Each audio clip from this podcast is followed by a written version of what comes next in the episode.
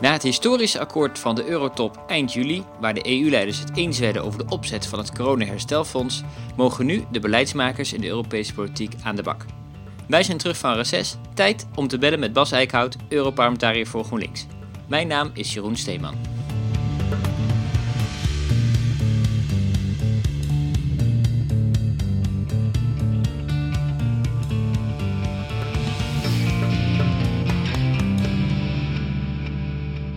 Hey Bas, we zijn terug van het reces. Ja. Eh, tijd voor een nieuw seizoen van Bellen met Bas. Eh, de derde alweer trouwens. Is dat echt zo?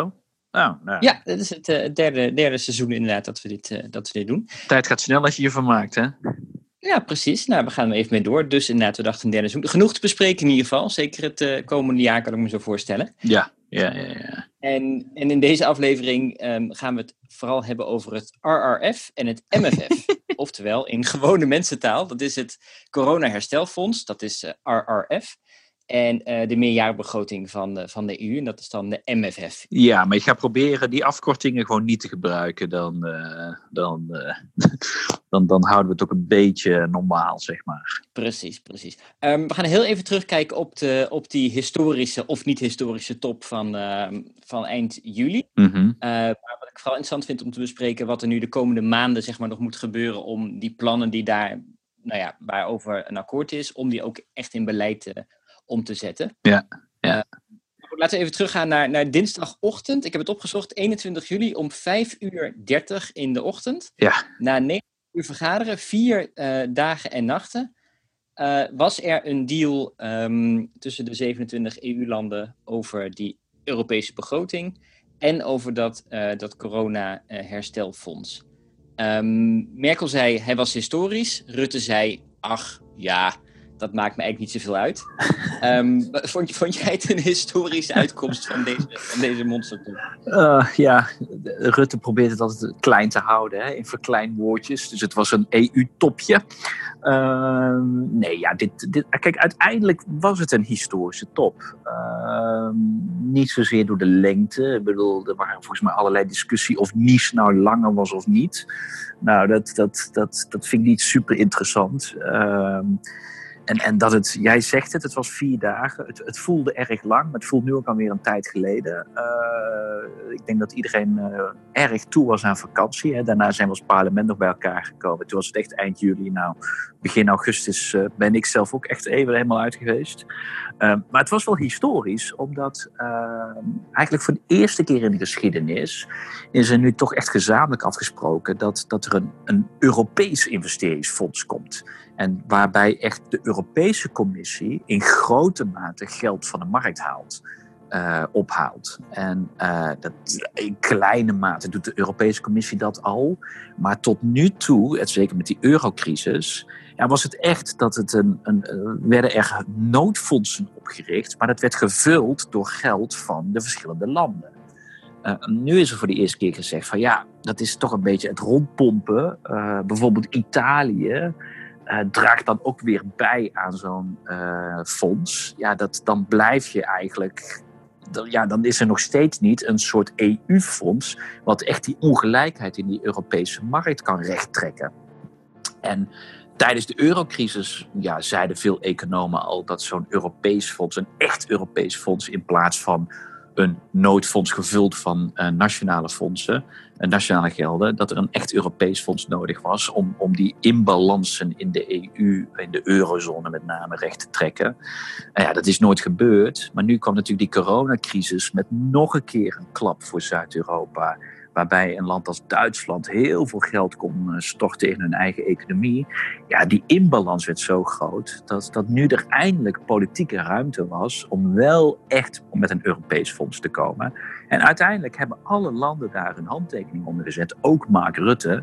Die probeert het dan weer klein te houden, omdat dat, hij dat inschat dat dat beter verkoopt, ook in de Tweede Kamer.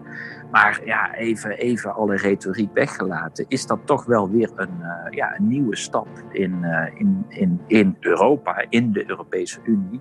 En in die zin, ja, toch een historische top. Ja, precies. Want als het dan gaat over de. Het ging vooral hè, over de hoogte van de, van de bedragen en zo. En of het nou subsidies eh, zouden worden of leningen. Nou goed, daar is allemaal nog een beetje eh, in geschoven toen. Ja. Ehm, dat zou eerst inderdaad gaan om 500 miljard aan subsidies. En dat is 390 miljard geworden. Maar goed, uiteindelijk zijn het dus wel subsidies geworden. Ik bedoel, ik kan me nog herinneren dat, dat, dat Rutte naar, naar, naar Brussel ging en zei van ik wil hier niks van, niks van weten. Het moeten leningen zijn en anders niet daar is toch nog wel flink um, in, in toegegeven dan. Ja, maar dat standpunt was ook, ja, met alle respect, het was niet houdbaar. En in die zin merkte je dat natuurlijk ook wel van Nederland, die um, uh, eigenlijk uh, de eerste reacties was bijna: we willen geen fonds, we willen geen subsidies, uh, we willen zelf onze kortingen houden en we willen ook nog kleine budget. Hè. Dat was een beetje de, samenvatting van de Nederlandse wensen. En op veel van die fronten zag je al wel dat, dat Nederland aan het schuiven uh, is gegaan. Dus het was duidelijk dat er een fonds zou komen met. Uh, met subsidies en niet alleen met leningen omdat het ook economisch geen, geen enkele zin had. Het punt is dat op dit moment landen als Duitsland en Nederland heel goedkoop kunnen lenen van de markt, hè, van, de, van de financiële markt. Die kunnen dat heel goedkoop. Uh, en andere landen kunnen dat minder makkelijk. Het is allemaal nog relatief oké, maar ze kunnen dat lenen, kunnen, landen als Italië en Spanje gewoon minder makkelijk. Ja, als je dan een Europees fonds gaat maken en dan gaat zeggen, ja, en dan gaan we nog steeds uh, leningen maken, ja, wat is dan het hele punt? Ik bedoel, dan. dan uh, het, het hele punt is natuurlijk van nee, je gaat Europa gaat die leningen aan. Uh, en vervolgens gaat Europa landen steunen die dat echt nodig hebben. Uh, en en, dat, en ja, dat, dat zijn toch meer de landen als Italië en uh, Spanje. Dus dan, moet je, dan moeten dat subsidies zijn. Nou, was er een hele discussie over welke voorwaarden je daaraan stelt. Nou, dat is een prima discussie om te hebben. Maar dat, dat, er, dat het subsidies zouden worden, ja, dat was duidelijk. En uiteindelijk werd het bijna het was bijna gênant. Die vierde nacht uh, was het al duidelijk dat uh, het bod van uh, met name Duitsland en Frankrijk was: we gaan terug van 500 miljard naar 400 miljard. En de frugals, hè, Nederland, Oostenrijk, Denemarken, Zweden, wilden naar 350 gaan. En uiteindelijk was 375 zelfs akkoord. En toen is er nog een hele lange discussie gegaan om uit te komen ergens tussen 375 en 400. Ja, dan weet je allemaal dat het niet meer gaat om de inhoud, maar ging het alleen nog maar om het politieke gezicht te redden. En Macron wilde niet onder de 400 en de Frugals niet boven de 375. Nou, is het uiteindelijk 390 geworden. Uh, maar het was vanaf het begin duidelijk, dit, dit pakket heeft alleen maar economisch zin als er een substantieel gedeelte uh, van subsidies is. Want als het puur leningen zijn, ja, dan, dan zijn we echt, uh, dan zijn we elkaar een beetje voor de gek aan het houden. Ja, en, en nog heel even dan over die, over die top. Hè? Ik bedoel, Mark Rutte haalt dan aan het einde een beetje zo zijn schouders op en die zegt van ja, weet je, het is het, is het spel, het is het onderhandelen um, en, en je moet daar stevig in staan om daar wat uit te halen. Um, maar zoals ik het zag, en ik zag inderdaad de, de buitenlandse reacties vooral, um, denk je dat, dat Nederland hier politiek krediet heeft verspeeld door het zo hard te spelen. Ja, kijk, ik, ik, ik denk niet. Moet dat het oppassen met het. Uh, hè, dat, dat, ja, het wordt hard gespeeld. En bij, aan de onderhandelingstafel vallen harde woorden. En dat hoort echt inderdaad bij. Dus het is echt niet zo dat, dat uh, de optie is tussen meewerken en je mond houden of keihard uh, gevecht aangaan. Iedereen vecht daar gewoon voor uh, een, een nationaal belang. Daar, daar uh, laten, we, laten we niet doen alsof, alsof Nederland heus niet met de vuist op tafel mag slaan. Ik denk waar Nederland wel degelijk krediet heeft verspeeld, is dat het niet gezien werd als dat Rutte een Europese oplossing wilde. En, en kijk, dat je, dat, je, dat je hard bent naar een land als Italië, ja, dat snappen Merkel en Macron heus wel. Maar als je eigenlijk een beetje het, het gevoel geeft van je, bent, je, je hebt eigenlijk heel veel geprofiteerd van Europa, vooral Nederland, hè, die interne markt met name. We zijn een grote profiteur van die interne markt. Uh, en dat betekent dat je ook op het moment als het slechter gaat, je echt moet staan voor elkaar. En dat je dan een discussie voert over hoe dat er precies uitziet, daar, daar mag je hard in zijn.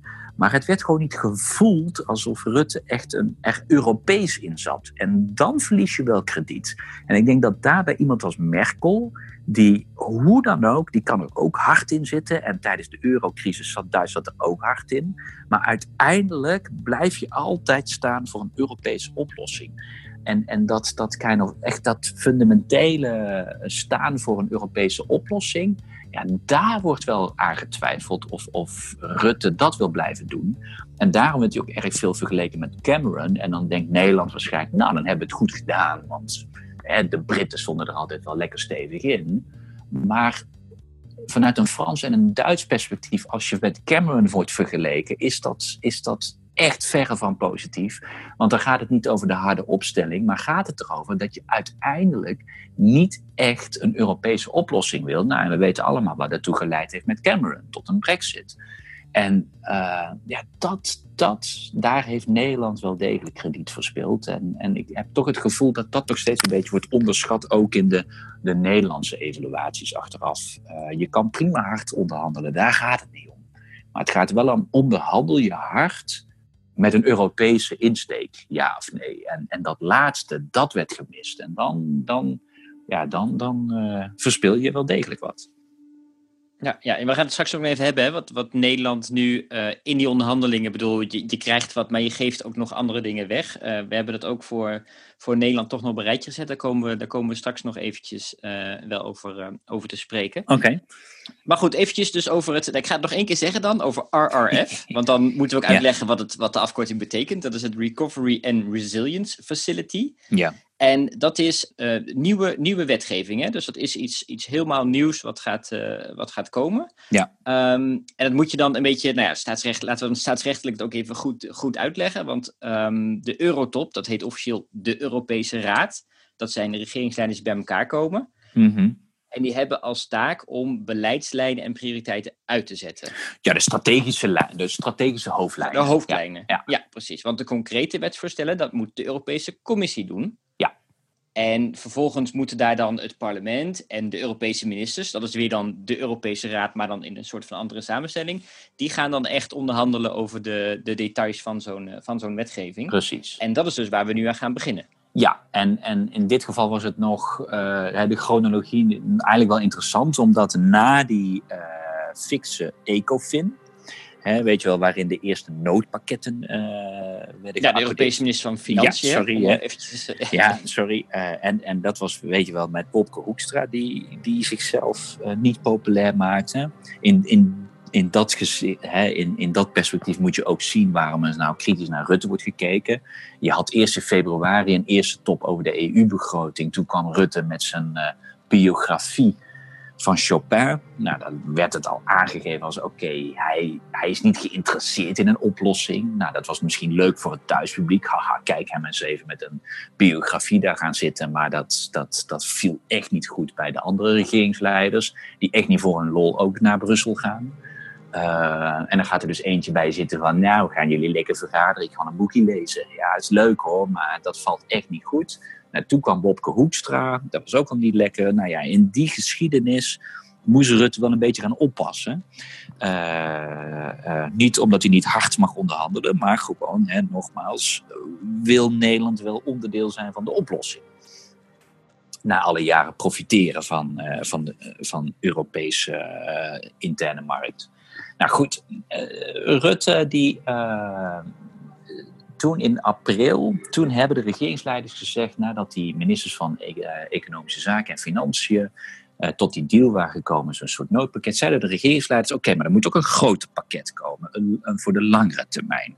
Toen is de commissie gaan schrijven en die is toen al met allerlei wetsvoorstellen gekomen. En daarvan hebben ze dus gezegd bij die befaamde juli-top, regeringsleiders, zijn dit de hoofdlijnen die jullie willen? Nou, dat werd een hoop gevecht over dat geld, schuiven in subsidies en leningen en de voorwaarden. Maar uiteindelijk is dat een principeakkoord wat nu omgezet moet worden in wetgeving. Dus de voorstellen liggen er. Die is door de commissie opgeschreven. En die moeten nu, en daar zijn we nu als Europees parlement aan zet, worden nu ingezet in. Uh, ja, in, in, in, gaan we met amendementen en dergelijke, gaan, gaat het Europees parlement proberen nog wijzigingen aan te brengen. Uh, en dat moet dan samen met de, de lidstaten tot een akkoord leiden. En de regeringsleiders hebben dus een soort hoofdlijn aangegeven, waarin het duidelijk is hoe groot wordt het aandeel uh, leningen en hoe groot het aandeel subsidies. Maar er zijn er natuurlijk nog tal van voorwaarden die erin geschreven kunnen worden, die nog kunnen gaan schuiven. En, en daar zal het Europees Parlement ook zeker wat over willen zeggen. Ja, um, nee, dus dan, laten we even kijken naar hoe dat, hoe dat, uh, dat fonds er dan precies uit gaat uh, zien. Want de bedoeling is dat uh, landen dus plannen gaan indienen over hoe ze uh, dat geld uit het noodfonds zouden willen gaan uh, besteden. Ja, dat is het belangrijkste. Hè? Het is dus, er is een ja. hoeveelheid afgesproken, maar dat geld is nog niet vergeven. En dat zat al in de voorstellen van de commissie. Vanaf het begin is het duidelijk geweest: oké, okay, dit is een, een pot met geld. Maar de landen moeten nu, ieder land moet met een nationaal herstelplan komen. En dat nationale herstelplan gaat beoordeeld worden door de Europese Commissie op basis dus van criteria. En op basis van de, uh, het oordeel van de Europese Commissie, daar moeten de lidstaten dan nog meekijken. De regeringsleiders mogen daar naar dat oordeel van de Commissie ook nog een keer meekijken.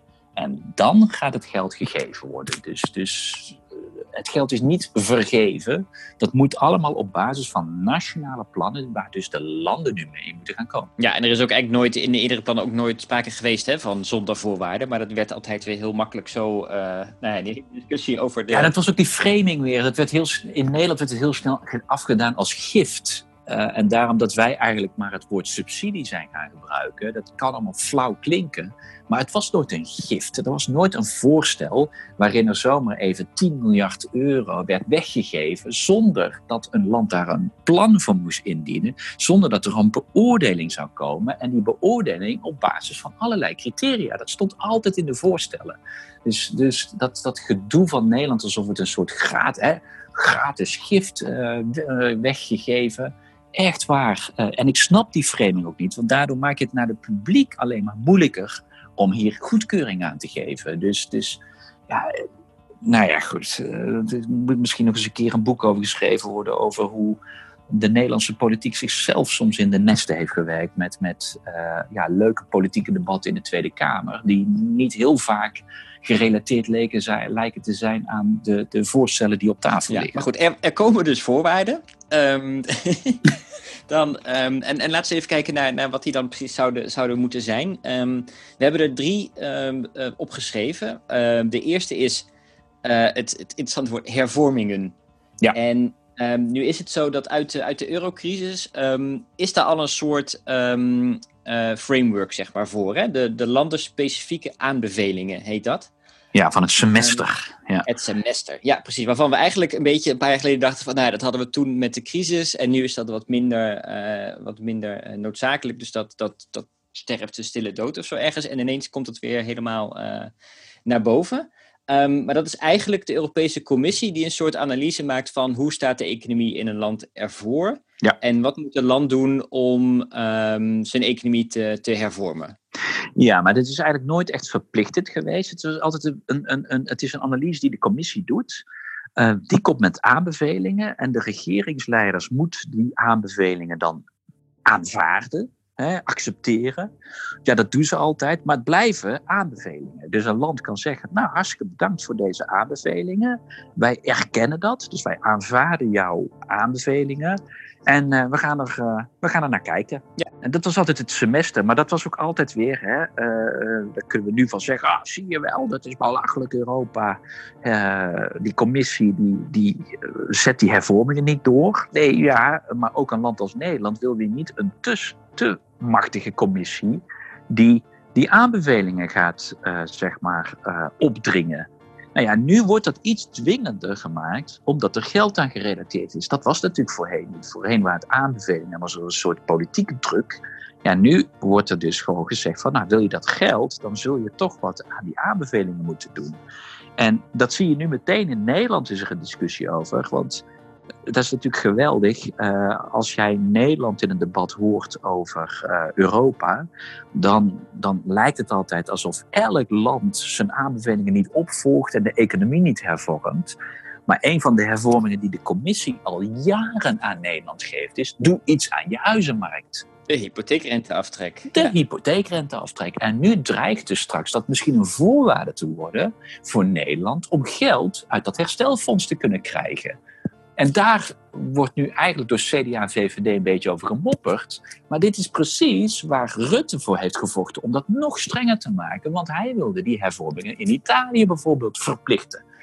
Nou ja, dit is fascinerend dat blijkbaar die hervormingen alleen maar dwingend mogen zijn vanuit Brussel als het om een land als Italië gaat. Maar als het om Nederland gaat, dan, dan ja, moet Brussel zich niet bemoeien met de hypotheekrenteaftrek. Nou ja, het kan interessant worden dat de commissie uh, gaat zeggen, nou ja, jullie kunnen dat geld nog steeds krijgen in Nederland, maar dan ja, moeten we die hervormingen wel wat uh, gaan doorvoeren die we al jaren hebben aangegeven. Dus ik ben benieuwd hoe zich dat gaat ontwikkelen. Maar ja, hervormingen staat nu als een van de voorwaarden. En de commissie moet dus gaan beoordelen. En daar heeft Rutte zelfs nog een noodremprocedure. Dat als hij vindt dat de commissie, en dan denkt Nederland natuurlijk meteen, Rutte denkt aan Italië, dat Italië volgens de commissie een voldoende plan inlevert en de commissie zegt akkoord, dan kan het nu zo zijn dat een land als Nederland zegt: nee, we zijn het niet eens met deze beoordeling. En dus uh, wordt het dan naar de regeringsleiders getrokken en die moeten er dan nog naar gaan kijken. Nou, hoe die noodremprocedure er precies uit gaat zien, nou, dat wordt nog wat getouwtrek. En ook de Tweede Kamer heeft daar vragen over gesteld. Maar uh, uh, ja, blijf je dus wel herinneren dat het ook andersom kan werken. Dat Italië kan zeggen, als de commissie ja zegt tegen een Nederlands plan, dat Italië zegt, ja, maar ik vind dat Nederland uh, zijn eigen hervorming niet voldoende doet. En dan zou je theoretisch, omdat Nederland toch niet de hypotheekrenteaftrek wil doen, dat Italië het daarom naar de Raad kan brengen, waarbij de Raad zich gaat buigen of Nederland voldoende doet aan de hypotheekrenteaftrek om geld te krijgen uit het Europese herstelfonds. Dat zou zomaar die, die, die boemerang kan zomaar eens terugkomen. Uh, dat weet ik niet helemaal of Rutte zich dat realiseerde toen hij in juli hier zo aan het vechten was. Ja, nee, ik kan me voorstellen dat een land als Italië inderdaad, waarbij Fiat geloof ik officieel zijn hoofdkantoor in Nederland heeft om zo min mogelijk belasting te betalen, dat Italië denkt van hé, hey, maar daar moet ook maar, wat, maar eens iets aan, uh, iets aan gebeuren. Ja. Dat is volgens mij de tweede aanbeveling die vaak uh, terugkomt. Ja, heel vaak is ook dat Nederland iets moet doen aan zijn agressieve belastingplanning, hè, tax planning zoals dat heet. Ja, dat kan allemaal op tafel komen via diezelfde noodremprocedure. Want die werkt alle kanten op natuurlijk, ook naar Nederland. Ja. Um, en, en, maar verwacht je dan echt um, dat landen dat naar, aan zichzelf zeg maar, zouden, zouden opleggen? Ik bedoel, we, we, zien die, die raad altijd een beetje, en het is toch landen onderling die nemen elkaar niet zo snel de maat. Hebben we eerder al wel gezien. Denk je dat het hier echt, echt gaat gebeuren? Nou, nee, we hebben altijd heel veel kritiek gehad op dat het democratisch gehalte van het semester. Het is de Europese Commissie die een analyse doet, waarvan altijd onduidelijk is op basis waarvan precies. Vervolgens uh, gaat het naar de Raad, maar die wil niet te streng zijn, want die weten ook, ja, als ik die aanbevelingen te streng volg, uh, een ander wil, dan gaat die het weer van mij maken. En wat je dus gaat krijgen, is dat landen een beetje soft naar elkaar blijven. Uh, en en uh, ja, tot nu toe zijn die aanbevelingen inderdaad. Ja, is het een black box en een democratisch gat geweest? Uh, en ik weet niet of dat nou zo heel veel beter wordt nu. Ja. Oké, okay, dan zijn er dus nog, nog meer voorwaarden die um, eraan gekoppeld zouden, zouden moeten worden. En dat is dus um, ook de, de prioriteit die, die nu uh, Europa zeg maar, al had opgelegd hè, voor haar beleid. En dat is uh, de digitale economie versterken en de, en de groene economie versterken. Dus iets doen aan, aan klimaatverandering of klimaatbestendigheid. Ja, het, het, het is erg vaag en algemeen geformuleerd. En dat is door de Raad niet echt beter. Ze hebben eigenlijk een beetje gezegd, nou dat moet wat ons betreft ook de prioriteiten zijn. Dus de Raad heeft in die zin een beetje onderschreven wat de commissie heeft gedaan. Ik verwacht dat hier het Europese parlement het wat scherper zal maken. Want ja, wat, wat, hoe gaan we dat beoordelen? Bijdragen aan digitale economie en groene economie. Ja, hoe dat precies beoordeeld gaat worden, daar kun je wel van uitgaan dat het Europese parlement dat wat specifieker wil maken. Zodat je echt ja, straks plannen krijgt die daar echt aan bijdragen. En niet, niet alleen maar uh, goed klinken. Want ja, papier is geduldig. Ja, ja precies. Um, en dan is het, derde is dan toch ook nog wat erin staat, is dus bijdragen aan economische groei. Ja. Hoe, hoe zit dat precies? Ja, dat is ook een, dat, dat is eigenlijk een beetje vergelijkbaar. Het, het, moet, het moet bijdragen aan de economische groei. Het moet dus een, een, een, een ja, het, het moet wel je economie weer op gang helpen. Ja, hoe, hoe beoordeel je dat? hoe gaat de commissie dat? Hè? Dat, kan, dat kan politiek natte vingerwerk worden. ook hier verwacht ik wel dat, dat het Europees Parlement ja, dat soort voorwaarden gewoon wat scherper wil. En de raad, de regeringsleiders hebben op dit soort voorwaarden eigenlijk amper gesproken. Ze hebben het heel erg gehad over, over die macro-economische hervorming, omdat Nederland er met name op zat te pushen. Uh, maar voor de, rest, voor de rest zijn de voorwaarden niet echt, echt anders geworden of, of duidelijker geworden. Ja, dus dit is toch wel iets waar, waar je kan verwachten dat het Europees Parlement juist in die, die, die wetgeving dat scherper zal maken, zodat, zodat die, ja, die echte beoordelingen van de commissie gewoon meer politiek van, van tevoren gestuurd worden. In plaats van dat we straks afhankelijk zijn van een black box van een, van een, ja, een, zeg maar een ministerie van de Europese Commissie. Ja, dus die, die, die voorwaarden worden nog interessant inderdaad om, om te volgen dan in het wetgevende eh, proces, zeg maar, de, de komende maanden. Yes. Dan gaan we verder naar het, het, het, terugbetalen van die, van die leningen. Want we hadden het net over het, his, het historische moment: Europa gaat geld uh, lenen voor dat herstelfonds. Ja. Dat moet natuurlijk terugbetaald worden. Ja. En dat is de bedoeling dat dat vanaf uh, eh, 2028 tot 2056, dat, dat, is, dat klinkt niet alleen ver weg, dat is heel ver weg. Dat is een periode van 30 jaar, zeg maar. 30 jaar, maar dat is redelijk normaal, geloof ik, hè, voor, voor, voor ja. staatsleningen en dat soort, uh, dat soort dingen. Maar ook daar, dat terugbetalen, dat gaat met nieuwe Europese belastingen. Dat is toch ook een historische stap dat dit is uh, afgesproken? Ja, alhoewel uh, ook dat wordt in Nederland soms gedaan alsof, alsof dat een nieuw iets is. Er zijn al Europese belastingen. De blauwe envelop, de blauwe envelop uit Brussel straks. Ja, dat is wel... Dat, ja, ja, ja, ja, ja, Of, of Gert-Jan Segers had het over de Rubicon oversteken. Ja, dan heb ik slecht nieuws voor hem. Die Rubicon is al jaren, decennia geleden overgestoken. Dus het bestaat al. Um, maar wat inderdaad ja, nu nieuw is, is dat het direct gekoppeld wordt aan het terugbetalen van die leningen die dus door de Europese Commissie zijn aangegaan. Maar goed, dat, dat past zelf bij datzelfde historische gedeelte, namelijk als de Europese Commissie zelf geld gaat ophalen en dat dus als een subsidie gaat geven, nou, dan heeft de Europese Commissie een soort schuld die terugbetaald moet worden. Ja, dat je dat gaat proberen te doen met directe Europese inkomsten, lijkt mij logisch. Uh, de regeringsleiders hebben daar op zich ook uh, dat principe ondertekend, hebben daar ook een aantal ideeën van die de commissie heeft opgelegd uh, onderschreven, zoals een CO2-grensheffing of inkomsten van een emissiehandelssysteem. wel misschien een, plastic, een plastic tax. denk ook aan een, digitax. Nou, dat soort zaken heeft, de, heeft eigenlijk de regeringsleiding gezegd. Nou, we kunnen dat voorstellen dat dat soort taxen, belastingen daarvoor gebruikt kunnen worden. Maar uh, dat moet nog uitgewerkt worden. Dus het is een soort principeakkoord. Maar hoe precies de, over de, die periode van 30 jaar Europa dus die inkomsten gaat genereren, dat zal bij elk voorstel nog uitgewerkt moeten worden. Dus, dus daar is de commissie eigenlijk weer aan het werk gezet om met voorstellen te komen. Oké, dat moet dus allemaal dus dan de komende maanden dan uh, uitgewerkt worden. Ik bedoel, we zitten, het is een crisisnoodfonds, uh, dus de bedoeling is ook dat we snel aan de, aan de slag uh, kunnen. Ja, dat is een beetje de grootste kritiek natuurlijk, van gaat dit allemaal snel genoeg?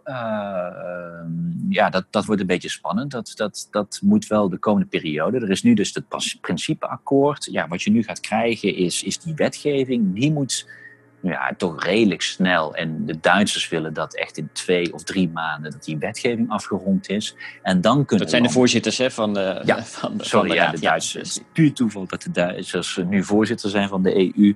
Ehm, en, en dan kunnen, als die wetgeving afgerond is, dan kunnen landen met hun nationale plannen komen en kan de commissie dat beoordelen. Dus ja, in het snelste geval, uh, begin volgend jaar, uh, kan, kan het Europese geld uh, ook daadwerkelijk uitgegeven worden. Ja, dat. dat het, het, ik denk dat het, voor sommige landen het iets sneller zou mogen.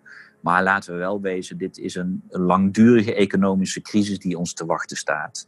Uh, dus dus uh, als begin volgend jaar de eerste tranches, zoals het dan vaak genoemd wordt, worden betaald, lijkt me dat nog steeds een, een, een, nogal nodige hulp voor een aantal landen. En ze kunnen altijd nog dat noodfonds uh, aanspreken, hè, wat dat de, de, ministers van Financiën hebben geaccordeerd. Dus uh, ja, bedoel, er zijn mogelijkheden tussen nu en, en ook wanneer dat echte uh, akkoord uh, geconcretiseerd wordt. Ja, nou ja, we gaan het volgen de, de komende tijd inderdaad. En, en wat we vooral inderdaad dus belangrijk vinden is ook welke rol, welke rol krijgt het Europees Parlement niet alleen nu in het maken van die wetgeving, maar dan straks ook in, in de wetgeving zelf, zeg maar. Ja, nou ja, dat wordt dus nog een gevecht een beetje van hoe gaan we dus die, uh, die criteria die in dat herstelfonds zitten, ja, dat kun je governance noemen. Uh, hoe wordt dat beoordeeld? Uh, nou, de regeringsleiders wilden een noodremprocedure voor de regeringsleiders. Ja, je kan ervan voorstellen dat het Europees Parlement ook meer helderheid wil van ja, en hoe gaan wij democratisch de beoordeling van uh, de Europese Commissie beoordelen? Nou, de, de rol van het, EP, van het Europees Parlement zal daarin zeker nog ook een, een rol spelen. Oké, nou, we gaan het, we gaan het zien. Um, maar goed, dat is dus deel 1 nog maar van, van wat er bij die Eurotop uh, bes, be, besloten moest worden. Um, de, tweede, de tweede afkorting waar we het al over hadden, hè, het MFF, ja. is dus het Multi-Annual Financial Framework, wat eigenlijk ja. gewoon meerjarenbegroting is. Dus gewoon de begroting voor de komende ja. zeven jaar van de, van de Europese Unie. Ja. Ja, was daar nog tijd voor eigenlijk? Ik bedoel, het, het ging zo lang over dat, dat noodfonds. Nou, kijk, terwijl, terwijl natuurlijk de meeste aandacht naar dat noodfonds ging en, en uh, over de precieze voorwaarden. Uh, en dan met name die noodremprocedure en, en wat ik zei, hè, die verdeling tussen subsidies en, en, en, en leningen. Uh, werd er op de achtergrond natuurlijk ook echt wel nog naar die meerjarenbegroting gekeken. En zeg maar de, de, de grote lijnen van die meerjarenbegroting, daar, daarin is ook nog wel geschoven. Uh, dat, dat, ja, dat, dat heet de negotiation box hè, van Charles Michel. En daar hebben landen ook echt nog in zitten schuiven. En ook de kleinere landen, die hebben zich veel meer gefocust op die meerjarenbegroting. Terwijl Nederland heroïs aan het vechten was voor de korting op die meerjarenbegroting of iets dergelijks. Uh, ja, heeft een land als Letland echt wel gekeken van, goh, gaat er nog wel genoeg naar het landbouwfonds voor mij? Dus die hebben echt nog wel daar uh, zitten kijken. Dus, dus achter de schermen en de grote aandacht. Ja, normaal krijgt die meerjarenbegroting de grote aandacht. Uh, dat is elke zeven jaar hetzelfde ritueel. Nu was de publieke aandacht veel meer voor dat noodfonds. Maar achter dat noodfonds is er echt nog wel redelijk veel aandacht gegaan naar de, het verschuiven van de verschillende budgetlijnen binnen dat meerjarenbegroting. Alleen leek Nederland daar iets minder in geïnteresseerd en was die vooral aan het vechten voor de korting en dat de hoogte niet te groot was. En verder dus die, die, dat, dat herstelfonds.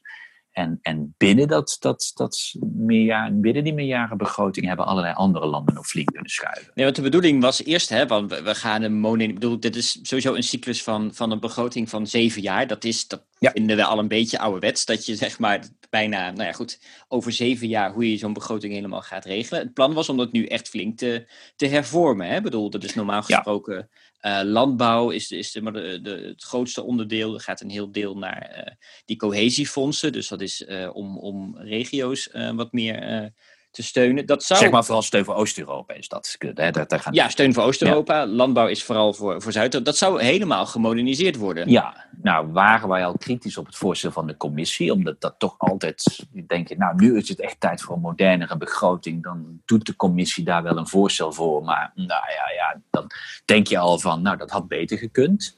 Maar wat nu het probleem was, was dat de landen die nou ja, die misschien ja, aan jouw kant kunnen staan voor een echt gevecht voor een moderne begroting, waren precies die landen die uh, vooral bezig waren om kortingen te behouden en, en dus die hele, ja, dat, hele herstelfonds te bevechten.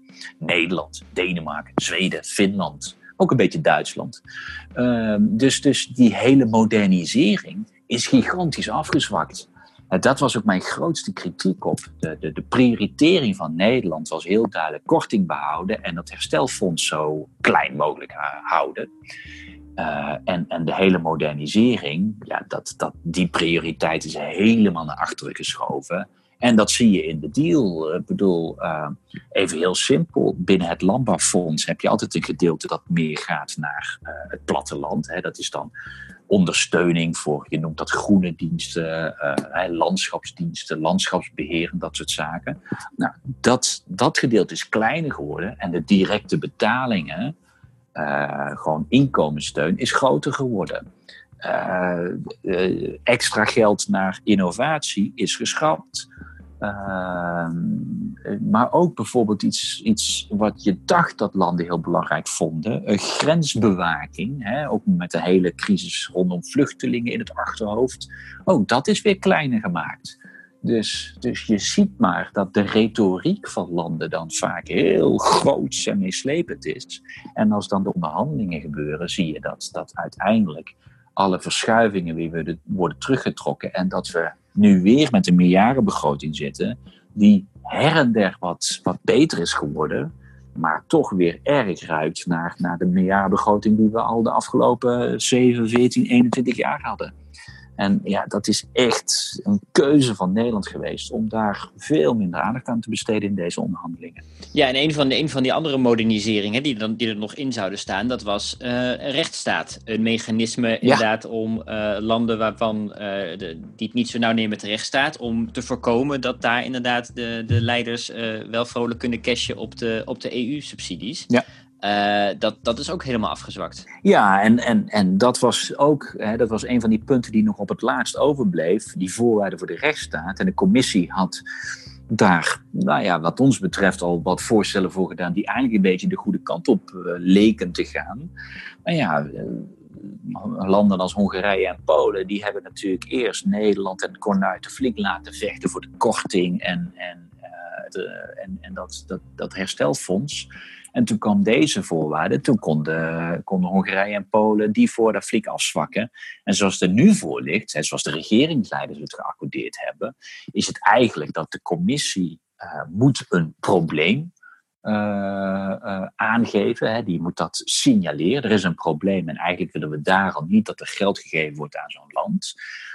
maar vervolgens moeten, moet, moeten, de, moet, moeten de lidstaten moeten dat actief bevestigen dat dat inderdaad een probleem is. En dat moeten ze met een gekwalificeerde meerderheid bevestigen. En dat betekent dat landen als Polen en Hongarije niet zo heel veel moeite zullen hebben om vrienden te organiseren die daar niet in meegaan. En dan is de hele constatering van de commissie van tafel en gaat het geld gewoon besteed worden.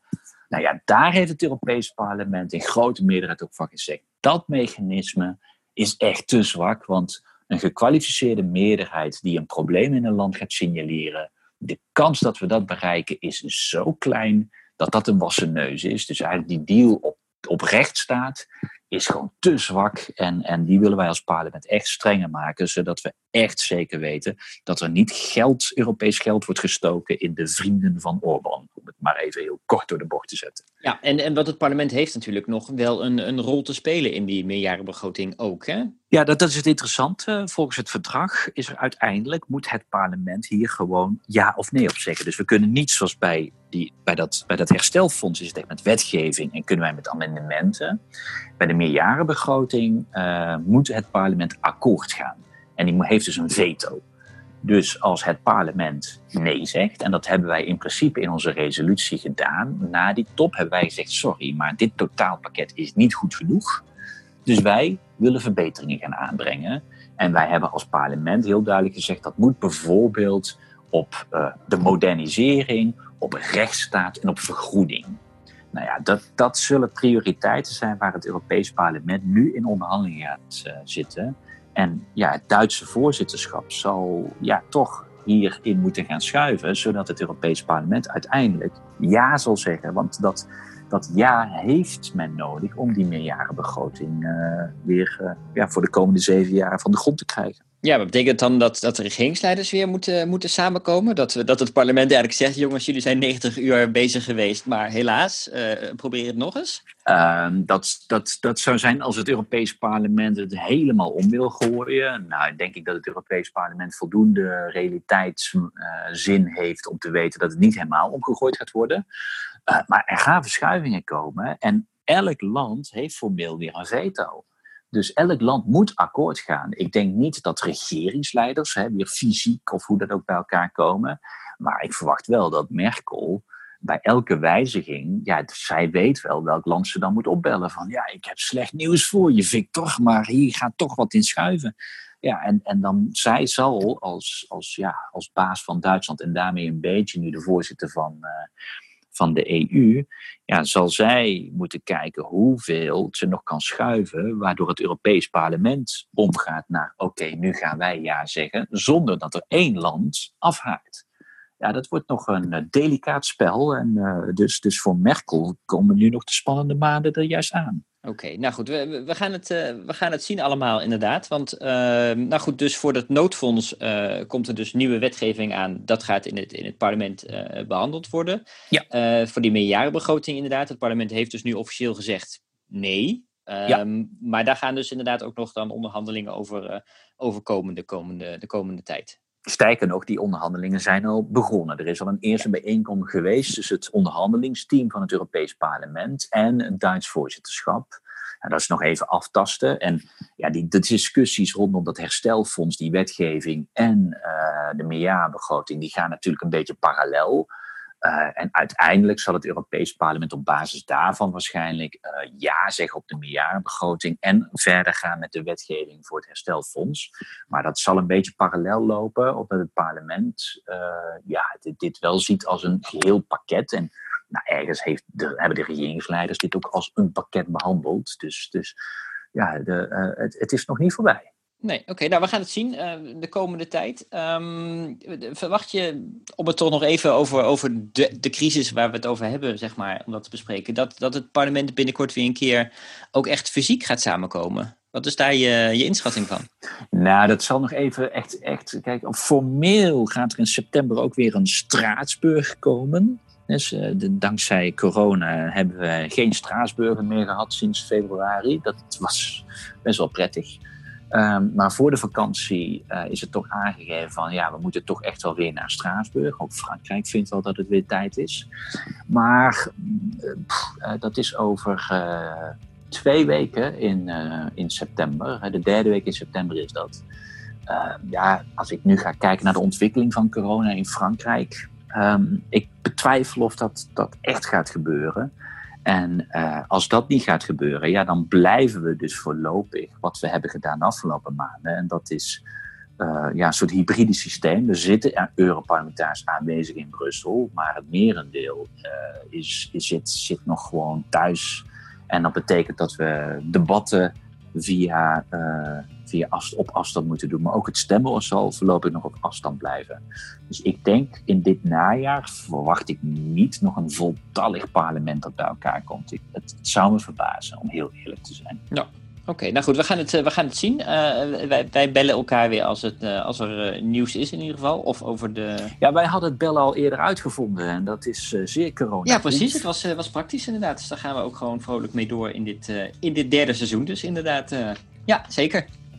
En dan moeten we het volgende keer volgens mij hebben over, hè, want in september gaat er ook weer uh, flink wat rondom klimaat, uh, aanscherping 2030 tool, wat ook weer gekoppeld wordt aan die hele vergroeningsdiscussie nodig voor, de, voor uh, het EU-budget en, en het herstelfonds. Dus de hele vergroeningsdiscussie wordt wel weer verwacht dat, we dat, uh, dat dat in september flink hoger op de agenda komt. Dus uh, lijkt me genoeg reden om te bellen. Ja, en de, de, klimaat, de Europese klimaatwet ja, toch, waar absoluut. we het eerder over gehad hebben, die, uh, die moet ook weer, weer komen. Dus dat, die komt weer terug, ja.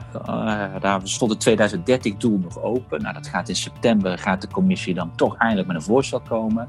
Dus nou ja, dat zal natuurlijk meteen weer gekoppeld worden aan die herstelfondsbetalingen. Dus uh, nee hoor, uh, klimaat en vergroening zal in september weer uh, hoger op de agenda komen. Oké, okay, top. Nou, daar gaan we aan de slag dan mee de volgende keer. Absoluut. Ik spreek je gauw weer. Is goed. Doeg. Hoi hoi. Je luisterde naar Bellen met Bas, een podcast van GroenLinks Europa en De Groenen in het Europees Parlement. De vormgeving is door Klook. Wil je op de hoogte blijven van ons laatste nieuws? Meld je aan op europa.groenlinks.nl/update.